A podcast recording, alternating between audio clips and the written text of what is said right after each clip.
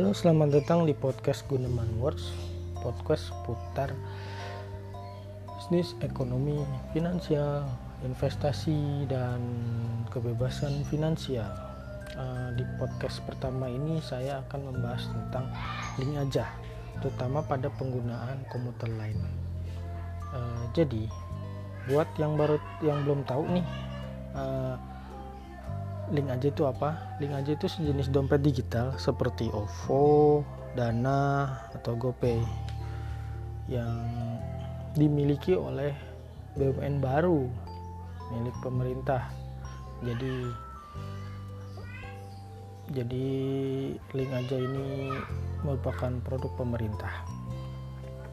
Uh, tapi saya nggak akan terlalu membahas terlalu mendalam tentang apa itu link aja? Saya hanya akan mem, saya akan mempersempit pembahasan saya tentang penerapan link aja untuk tiket komuter lain. Dulu sih awalnya apa dulu pernah saya pernah dengar cerita tentang uh, link aja uh, awal-awal ada link aja uh, pernah dengar sih tentang kalau link aja akan digunakan untuk pembayaran uh, tiket kereta komuter lain. Yang saya heran uh, gimana caranya? Jadi saya juga bertanya-tanya gimana caranya penggunaan link aja dompet digital yang ada di handphone itu untuk penggunaan komuter lain? Karena kan selama ini kereta komuter lain itu bisa hanya bisa menggunakan tiket di apa ngetap tiket dengan kartunya dengan kartu entah kartu dari bank atau kartu dari ya, keluaran komuter lain. Lalu saya berpikir atau mungkin seperti penerapan yang ada di negara-negara lain seperti di Korea. Jadi dengan handphone ber NFC kita mentap handphone kita lalu akan memotong saldo entah kartu kredit atau rekening tabungan kita. Kalau seperti itu kan penetrasi ke pasar dari link aja akan sangat minim ya. Karena di Indonesia belum banyak handphone-handphone NFC yang beredar. Lalu setelah beberapa waktu saya sudah tidak terdengar berita tentang itu tiba-tiba kalau nggak salah akhir September ya akhir September atau sekitar bulan September ada berita tentang pada saat itu Menteri BUMN Ibu Rini mencoba men, mencoba menggunakan link aja untuk tap untuk uh, tap in di di get get get in get out di di di get get in get out di stasiun. Nah, saya baca artikel beritanya. Oh ternyata di situ uh, saya baru tahu. Jadi jadi untuk menggunakan link aja itu ternyata bukan menggunakan NFC tapi memanfaatkan teknologi QR code kalau seperti itu masuk akal. Jadi setiap apa jadi semua handphone Android sudah bisa tentunya. Lalu uh, dari situ saya cukup excited juga uh, cukup menanti-nanti kapan kiranya link aja ini bisa dipergunakan untuk uh, pembelian tiket atau pembayaran tiket komuter lain. Ya lumayan kan bisa menggantikan kartu bisa mengurangi kartu juga gitu loh. Lalu ya setelah itu tidak ada sepertinya tidak ada eh, kabar-kabar terbaru tiba-tiba di stasiun Bogor. Saya lihat ada di salah satu gate di salah satu gate itu ada logo tap in dan dilengkapi dengan scanner. Wah saya penasaran. Lalu waktu itu saya belum berani coba langsung. Masih pakai kartu. Lalu saya mention di twitter resminya link aja dan mereka menyatakan sudah bisa untuk menggunakan link aja di semua stasiun.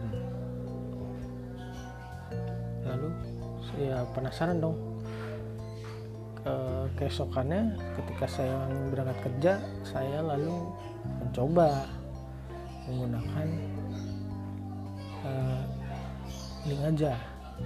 Tapi apa yang terjadi? Saya gagal tapi saya tetap tidak berputus asa. Uh, lalu uh, saya keesokan pagi keesokan harinya pun saya tetap mencoba. Dan pada percobaan itu saya berhasil.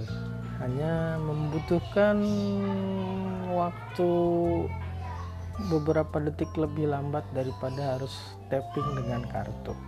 Ya mungkin itu salah satu problem uh, dan belakangan saya baru tahu ternyata bulan Oktober itu ketika saya mencoba itu adalah masa percobaan. Ya karena di akhir bulan Oktober semua gate link aja ditutup scannernya. Jadi belum bisa dipakai lagi. Lalu pada bulan November sepertinya sudah resmi beroperasi bukan lagi tahap uh, uji coba. Saya pun penasaran dan mencoba dan ternyata berhasil dengan waktu yang lebih cepat untuk scan QR code-nya. Uh, dan itu progres yang sangat baik sekali bagi link aja dan komuter lain. Lalu pada apa? Dan untuk penggunaannya sendiri sebenarnya sangat-sangat mudah ya. Tinggal ketika akan masuk ke tap in di gate di stasiun kita cukup uh, buka aplikasi link aja dari handphone lalu nanti akan muncul barcode uh, QR code. Kalau tidak muncul kita bisa shake handphone kita. Lalu kita scan di gate tempat biasa kita mentap tapi yang yang di yang ada scannernya. Dan biasanya GT itu ada logo link aja. Ketika di scan tunggu proses sekitar beberapa mungkin beberapa saat. Lalu kalau di keterangan apa di keterangan pada GT biasanya ada keterangan sudah bisa masuk ya semacam dan semacam itu. Dan ada sedikit bunyi tit gitu kalau tidak salah kalau tidak salah ya. Hmm, dan jika sudah ada keterangan-keterangan itu kita bisa langsung masuk. Market seperti itu aja sih.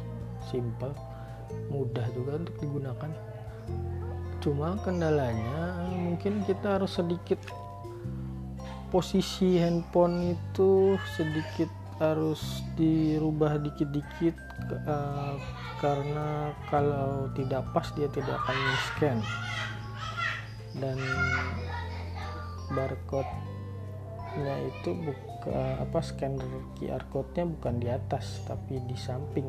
Jadi kita menegakkan ponsel dan harus ngepasin posisinya. Ya paling problemnya itu sih uh, agak harus ngepasin terus juga ya sedikit lebih lama. Sangat sedikit sih beda waktunya dengan ngetap dengan kartu. Tapi ya itu usaha yang sangat baik karena bisa mengurangi jumlah kartu mengurangi sampah juga kan mengurangi ketebalan dompet uh, ya mungkin itu dulu podcast dari saya